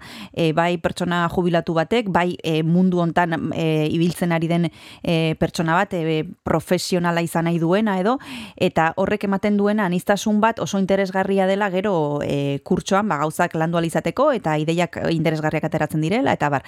E, hori ere da zure ustez e, nabarmentzeko e, gauza bat, e, edo zeinek izena eman dezakela? Bai, bai, bai. Oso, netzako oso aberatxa da. E, irakasle bezala, ba, ba, esan dakoa. E, zati ez dakizu, e, kur, mila ez urte batu da, mazat, e, intaseak ematen. Eta ez nahi azpertzen. E, beti badez berdina da. Zati talde, urte bakoitzan sortzen dan taldea, badez berdina dalako. Orduan horra aurkitzen duzun pertsonek, ba, sortu dute talde hori. Eta lehenetari dago, eta sortzen dan, e, banazketa hori oso interesantia da. Esan dako, apago jendea, gehiago dakina, eskarmentu gehiago dakina, ja, e, nik le, ejatzen didan e, lehengo ariketa beti berdina da. E, sortu zazue, dialogi gabeko maitasun historio bat, pumba, lehengo egunien. Eta hori nila ikusten, bez, zein dauka eskarmentua eta zeinik ez, baina berdin du. E, da pixoa da, ba, nik ere ba, jakiteko zein norlokan aurrian. Baina ez zerrek ez dakina, e, ikasle izan, jubilatu izan, langile izan, e, e, profesionala ez bada ere, eta dauka, ba, hori, ba, interes, denek hori bai, interes bat daukate, e, gido egin zan, beste baizian apuntatuko, eta horrek da, ba, eta kuriosidadea, eta lan egiteko gogua. Orduan hori baldin mokazu, 嗯 Hmm. Egia da, e, aman komunean denek hori daukatela kuriositatea eta interesa, ez? Horretarako eman dute Bai. izena kurtsoan, baino baita ere, e, hain e, maila ezberdinak izatea, zuretzat ez da zaila e, gauza bat e, esplikatzeko momentuan, ba, e, pertsona bati ez, e, oinarrizko, oinarrizko gauzak esplikatu behar izana, eta beste bati ezain beste zuk nola egiten duzu, e, ba, batzuentzat ez izateko aspergarria, eta beste batzuentzat oso, oso zaila, ze hori ere e, iruditzen zaite pixkat komplitu, komplikatua, ez? Ba, ez, ba, oso modu naturalean, azkenean e, historiekin egiten dugu lana. E, eta e, jakin ez jakin, bakoitza bere e, karnik askotan ariketak egiten dituna ari muturra beti ematen izkiet. E, eta ba, nonikan e, tiratu. Eta, ba, eta ba, bost, zortzi hamar amaus ikasli izan, batako dira bost, zortzi hamar amaus e, historia desberdin. Eta jakin ez jakin, hori ja e, interesantia da. Eta nola bakoitza bere e, historiai e, ba, ikustea zuzerren dezun, eta ondokak zerrein duen, e, gero jakingo du, hobeto jatzitu du gidoia, hobeto edo kerrago, edo baina jungo da erramenteak e, barneatzen, ez da, ez da bat ere aspergarria. Hori eta orduan, no, la bakoitzak bere lana, nik hori, baina, e, bueltatzen diet, e, pareta lan ez, bera ipidaltziatena, nik errebotatu egiten diet, Mm. eta hori azkenean klase guztirako da. Mhm. Eh, Orduan nik uste oso modu naturalean, ez dela, dakia, oza, ba, eskarmentua daukan pertsonantzako ere, ez da jola egiten, zete, azkenean, ba, historiekin egiten dugulako eh, lana. Badira urte batzuk e, zuk e, larrotxenen e, ikastaroa eskaintzen duzula, eta nik ezakite Bai. urteekin e, profila aldatu egin den ikasleen e, profila. Eta aldatu baldima da zertan aldatu dena. Baritu duzu zuk zerbait, e, ba, ez dakite, hasi zinenean e, batez ere emakumezkoa, batez ere gizonezkoak, adin batzuetakoak, edo e, interes jakin batzukin, eta hori aldatu egin ote den. Ba, ba, izan ez duke zaten jakingo ez, beti dago, bai, jende desberdina zendakoa, igual gaztena, ba, hogei urteko mutilo izan liteke, eta zarrena, ba, emakume jubilatu bat, langileak, baruan doenak, e, bai, e, ontan ba, publizitatean lan indako jendia, e, irakasliak, e, baina ez ez dut horrela nahitu ba, emakum, batzutan igual emakume daude, beste batzutan izanezkoa, gaztia, zarrak, baina baina ez dut horrelako eta nik uste urtean, ba, ere beste talde bat egongo dala, eta, eta auskalo. Oraintxe bertan jarraituko dugu Andoni de Carlosekin gidoigitzaren inguruan hitz egiten tartetxo bat hartuko dugu eta segituan gara bueltan.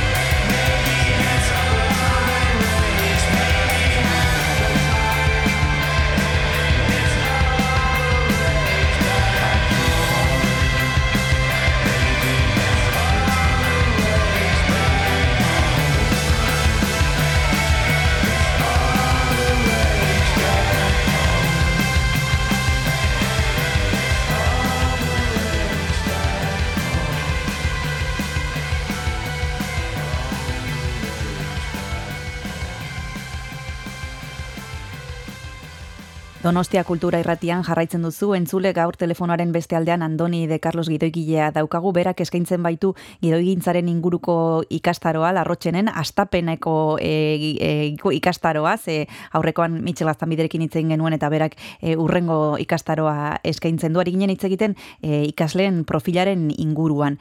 E, Andoni zuk astapenetako e, e, nozioak ematen dituzu e, nola e, ikasten da gidoi bat e, idazten.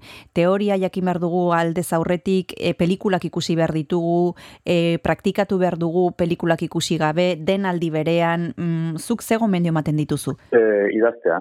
Osa, idazteko modu bakarra idaztea da. Ez dago, ez dago ez daik, noski irakurketa, osa, irakurtzia, e, pelikulak ikustia, e, gidoiak irakurtzia, e, ba, beharrezkoa da baina guzti egiten bali mezu, ez ez bali mezu idazten. Eh, ez ez ez azkenean hori, ba, zati horre aurkitu dituzu arazoak, oso tuak dituzu pertsonaiak, egoerak, e, e, esan dakoa, ideien mundua, oso dena oso posible da, eta oso erosoa da. Baina idazten jartzen zenean, eta ideien mundutik ja papelera e, pasatu bat dezula, pasatu bat dezunean, hor sortzen dira benetako arazoak, eta eta bueno, eta horri aurri egiten ez bali mediozu, ba, baitezu ikasiko hori beharrezkoa da, e, ezin bestekoa. Beste guztia, ere beharrezkoa da, eh? dena lehua e, bat, baina baina idaztea, ba, eta hanka sartzea, eh? Eta, e, ezin bestekoa da, bai, ez ezu ba, oso, oso, oso zaila da, e, e, Igan izango kezin eskoa, baina, bueno, bat ongo agian, bere lehenko bideo idatzi, eta mara bideo izatea. E, eta dena funtzionatzea, eta, baina, bueno, ez justu hankazartza, hankazartza egiten, eta zu konsiente izan da, horrela ikasi bat ikasten da. Eta ikasi daiteke edo zerbait berezkoa izan behar da Andoni aurrekoan hitz egin genuen e, Pablo Pablo Malorekin eta berak esaten bai. zigun e, begira da hori norberak e, daukan zerbait dela, eta gero, ba, bueno, e, pulitu aldirela gauza batzuk, baina nik ezakit e, barruan zerbait izan behar duzun, e, gaitasun berezi bat, eta gero ikasi gauza batzuk, edo ikas daiteke zerotik begira da hori edo gaitasun hori gabe? Ba, uste begira den edo gaula, bakutzen berea. E, hori da daukagun gauza original bakarra. Ba, baina, ba, ikas, uste ikasi daitekela. E, gauza da, ba, bueno, hor, zenbat energi jartzen jozun, edo zenbat, e, eta hori, eta preso martzala, frustraziorako ere, euki barrezula, ba, aurriteko almena. E, ba, bueno, ba, ontara dedikatzen bali mazza, ba, akizu zaiatzen dituzun proiektu asko, ba, ez aterako. Baina, bueno, ba, jarraitu, jarraitu eta jarraitu, ez dago besterik. Eta bai, begira da garantitxua da, baina nik uste hori, e, ba, bakutza berea duela eh, zein dan, ba, bueno, obea dokerragua ez, ez duna, no? ba, bakoitzak betea, eta gero, eh, ba, ikasi daiteke. ikasi daiteke, eta nik ez dakit momentu hontan nola, ikasten duz, nola ikusten duzunzuk e, lan merkatua, andoni, e, badakigu internetek gauza asko aldatu egin dituela, eta ba, adibidez e, plataformak existitzen dira orain, lehen ez diren existitzen, eta nik ez dakit horrek ekarri duen lan gehiago gido egilen entzatze. E, serie mordoa ditugu ikusgai, eta e, bueno, ez dakit aukera bat den, edo, edo, edo kompetentzia handiagoa den zuen artean, nola, nola ikusten duzuzuk? Ba, ondo, ni, osea, lan gehiago da, o. Osea, nizte, horrein bizitzen egian gara ja ona dala, baina beti da zaila. Osea, eta, eh, azkenan hor burua sartzea eta enkargoa ipitzea, edo zubidatzen duzuna saldu alizatea, hori beti izango da zaila. Baina, baina bai, eta, baina aukera, eh, gero eta plataforma gehiago, gero eta kate gehiago, gero eta eh, diru laguntza gehiago, ba, gero eta aukera gehiago. Eh, lana lan Esaten duzu zaila dela, e, ze gustatuko litzaizuke, edo, edo orain e, zu e, zaudela e, irakasle paperean, e, zu hasi zinenean, e, ze konsejo edo ze aholku gustatuko litzaizuke entzun izan bere garaian? Hasi zinenean, adibidez, e, Pablo Malok esaten zigun jobitu, niri e, esan balirate bere garaian, ba, hemendik ez joan, edo ez gastatu hainbeste denbora eta hainbeste esfortzu hontan, e, da joan beste bideontatik, ba, eskertu eskertuko nukezuk. E, sumatzen duzu zerbait, ba, aholkuren bat edo, edo iritziren bat e, jakin izan bazenu, ba, bueno, igual zure bidea beste modura e, egingo zenuen, ez dakit. Ba, ez da zer esan, nik uste lehen izan dakoa, ere hankatzatzekin ere asko ikasten da, eta esan dut hartu dituzun bidiak eta ez dutenak funtzionatu edo ez diala zu e, uste zununak izan, nik uste dut ere onurak atera ateatzen dituzula. E, ez dakit, ni ez naiz gai egin hori izateko, ez dakit, ikasle bati, ba, ira, medikan ezkun, edo hau egin, edo nik indu gana edo zati auskalo. No? Ez bakoitzaren ibilbidea, ba, eta igual hori izan da, ba, euskalo ez galduko duen, ez dakit, nintzateke e, hausartuko. Bueno, zuk, zuk, zuk esperientzia badaukazu eta hori partekatzea hori soilik ere ez da ez da gutxi, ez? E, ze batzuetan Eh, besteen esperientziatatik ere ikasi alda, ez da? Ba, eh, ni gainare larrutxenen hasi ni larrutxenen, orain dela urte mordua ere ikasle izan dakoa naiz. Orduan, nik ere, hori ni Isabel Albakin hasi nintzen, eh, han eh, larrutxenen, eh, ba, bai, urte, urte, urte asko. Eta hori izan zen, eta, ba, ba bia puntua, eta hortik Madridia, eta beto berriz ba honea, eta, eta bueno, eta guztetzea, ba, eta proiektu bat, eta bestia, eta batzuk bai, bestatuk ez, eta, eta bueno, eta horrela, eta burukan, azkena ez da, beste. Bueno, burroka honen inguruan jarraituko dugu oraintxe bertan hitz egiten Andoni de Carlosekin, gidoigintzaren inguruko ikastaro bat eskaintzen du larrotxenen, tartetxo bat hartuko dugu eta segituan gara bueltan.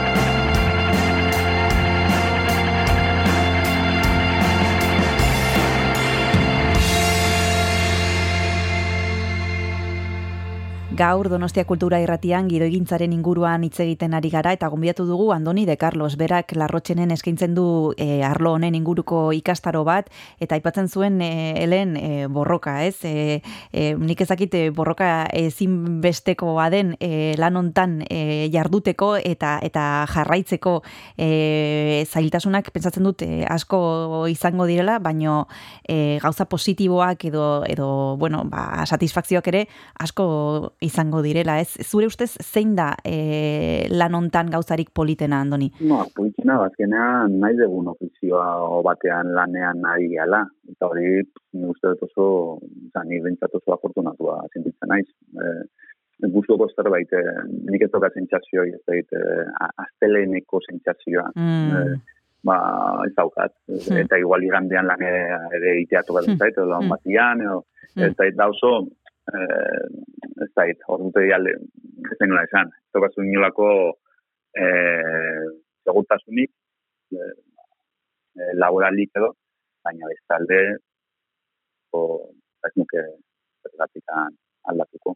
Eta netzako dira, bada, bintzat, eh, ba, momentu txarra dituzunean, edo, eh, ba, baina, ba, gozen, zatezkena hau bakizu ere ratxa diala. Bai, ba, bai. orain ez dihua, baina gero ateakoa, eta gero berriz, eta, eta, eta horrela.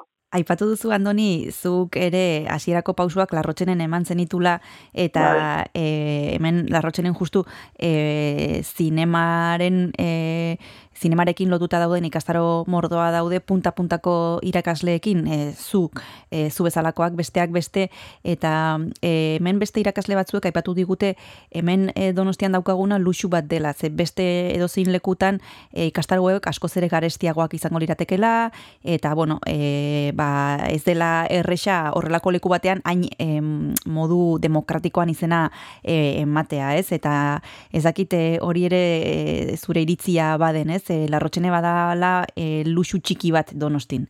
Ba, ez da, nik argia daukat.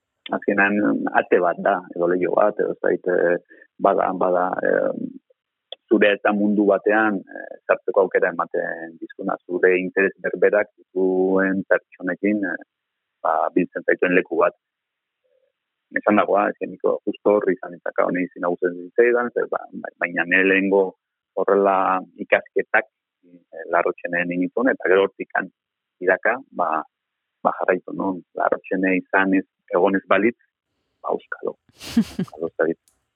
Bueno, baina, baina bai garrantzitsua intzen zaitu eta, eta, eta baita luxu bat. e, ari gara gidoigintzaren inguruan hitz egiten, eta nik ezakit une hontan e, zerbait daukazun esku artean, Andoni, ari zara zerbait idazten, idatzi berri duzu zerbait, e, kontatu alduzun proiekturen bat daukazu? Bai, proiektua bai, baina hori, oraingoz proiektuak. A ber, eh, puntu hortan daudela atera ez atera, bai, bilerak ezak zer, ba, azkenan hori oso prozesu luzeak izaten dira, ere ba, argi berdea eduki arte.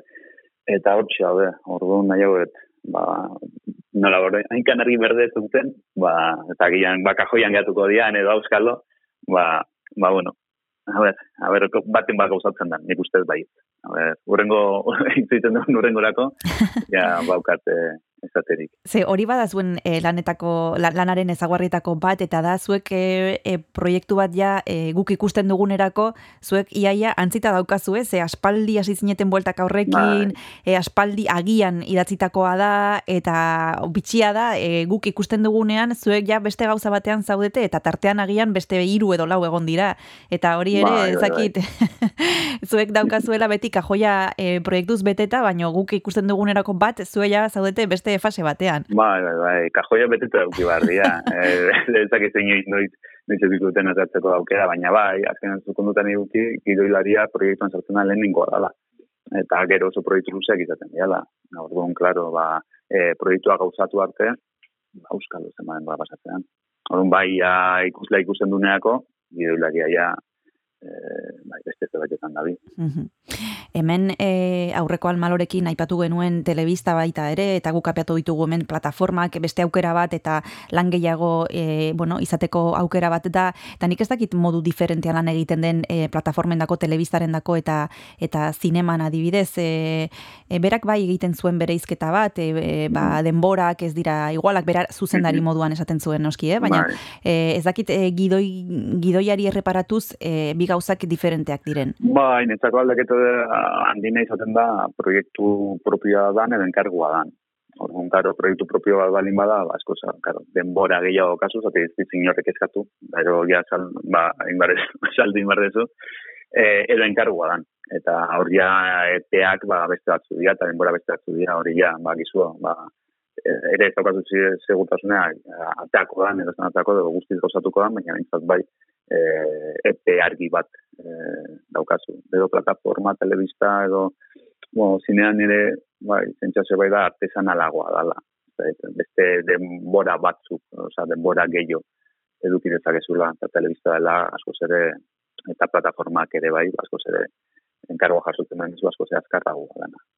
Ba, Beste epe, Bueno, ba, esan bezala, modu goxo batean gidoigintzaren inguruan norbaitek nahiko balu pixka bat e, ikasi eta sakondu, badekizue Andoni de Carlosek eskaintzen duena larrotxenen e, gidoigintzaren e, astapenak e, izena duen e, ikastaroa.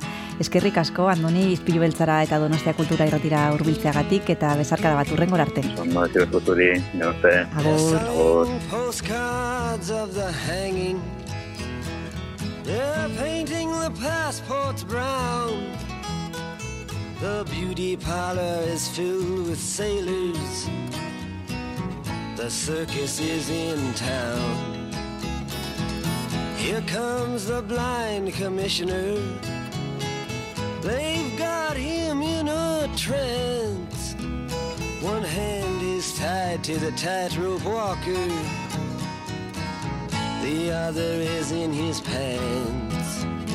And the riot squad, they're restless. They need somewhere to go. As Lady and I look out tonight from Desolation Road.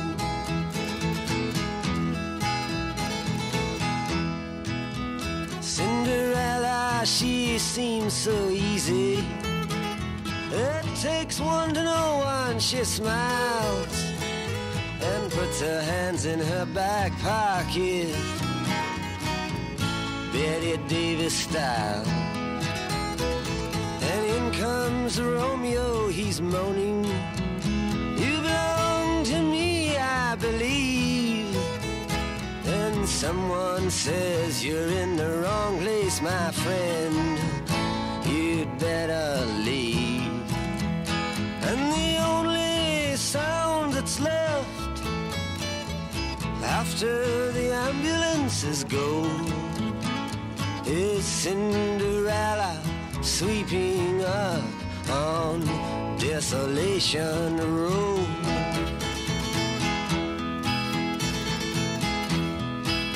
Now the moon is almost hidden.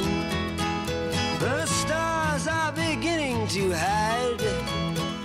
The fortune telling lady has even taken all her things inside. All except for Cain and Abel and the hunchback of Notre Dame.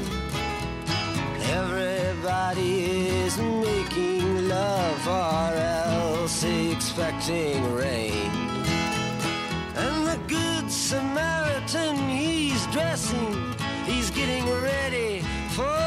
Show.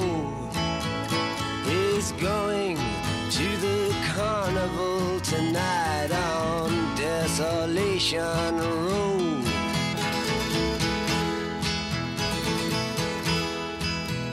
Ophelia, she's neath the window. For her, I feel so afraid. On her 22nd birthday, she already is an old maid. To her, death is quite romantic. She wears an iron vest. Her profession's her religion.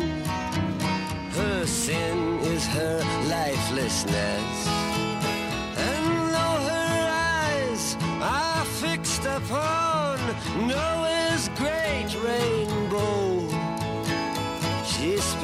her time peeking into Desolation Row.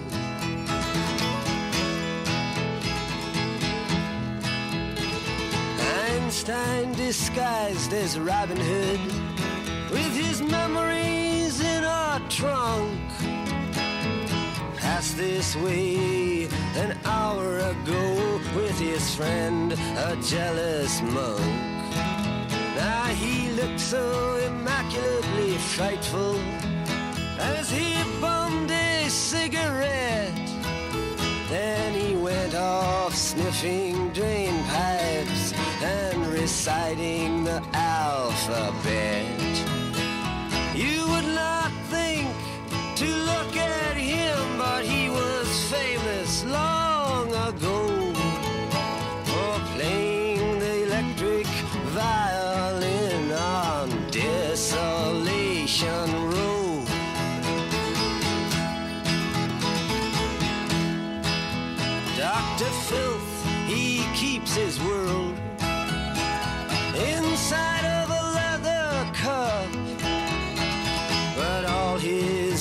his sexless patients, they are trying to blow it up. Now his nurse, some local loser, she's in charge of the cyanide hole. And she also keeps the cards that read, Have mercy on his soul.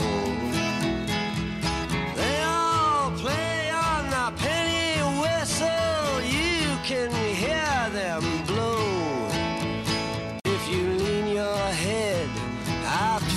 far enough from Desolation Road.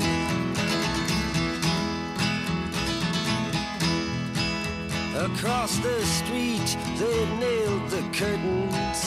They're getting ready for the feast. The phantom of the opera in a perfect image of a priest. Here are spoon feeding Casanova to get him to feel more assured.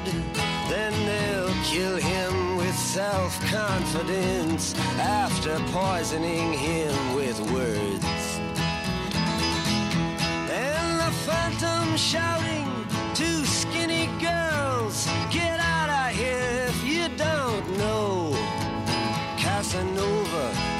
is being punished for going to Desolation Road.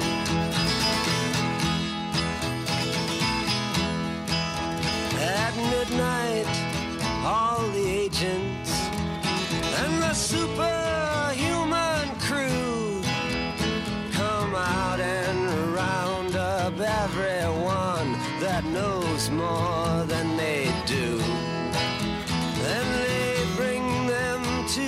factory where the heart attack machine is strapped across their shoulders and then the kerosene is brought down from the castles by insurance men who go check to see that nobody is escaping to desolation road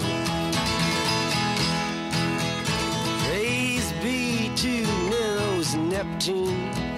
The Titanic sails at dawn. Everybody's shouting, which side are you on? And Ezra Pound and T.S. Eliot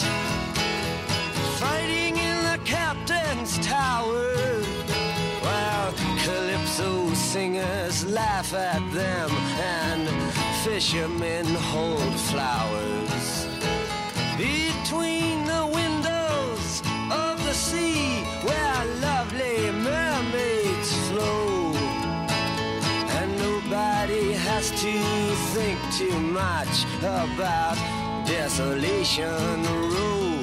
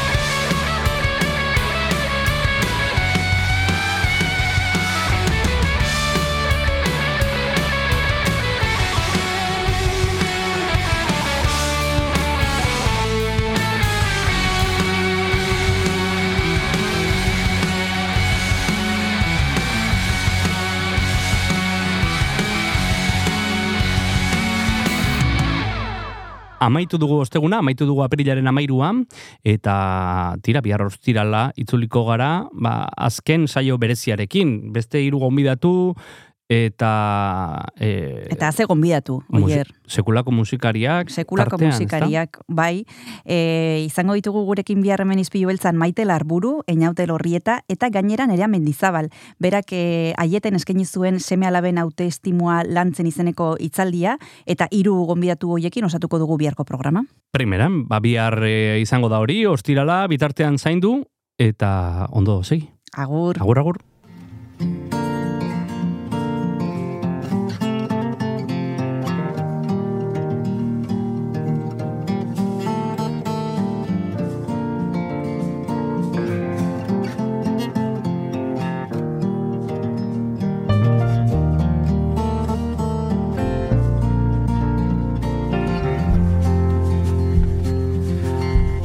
This is how I tell it.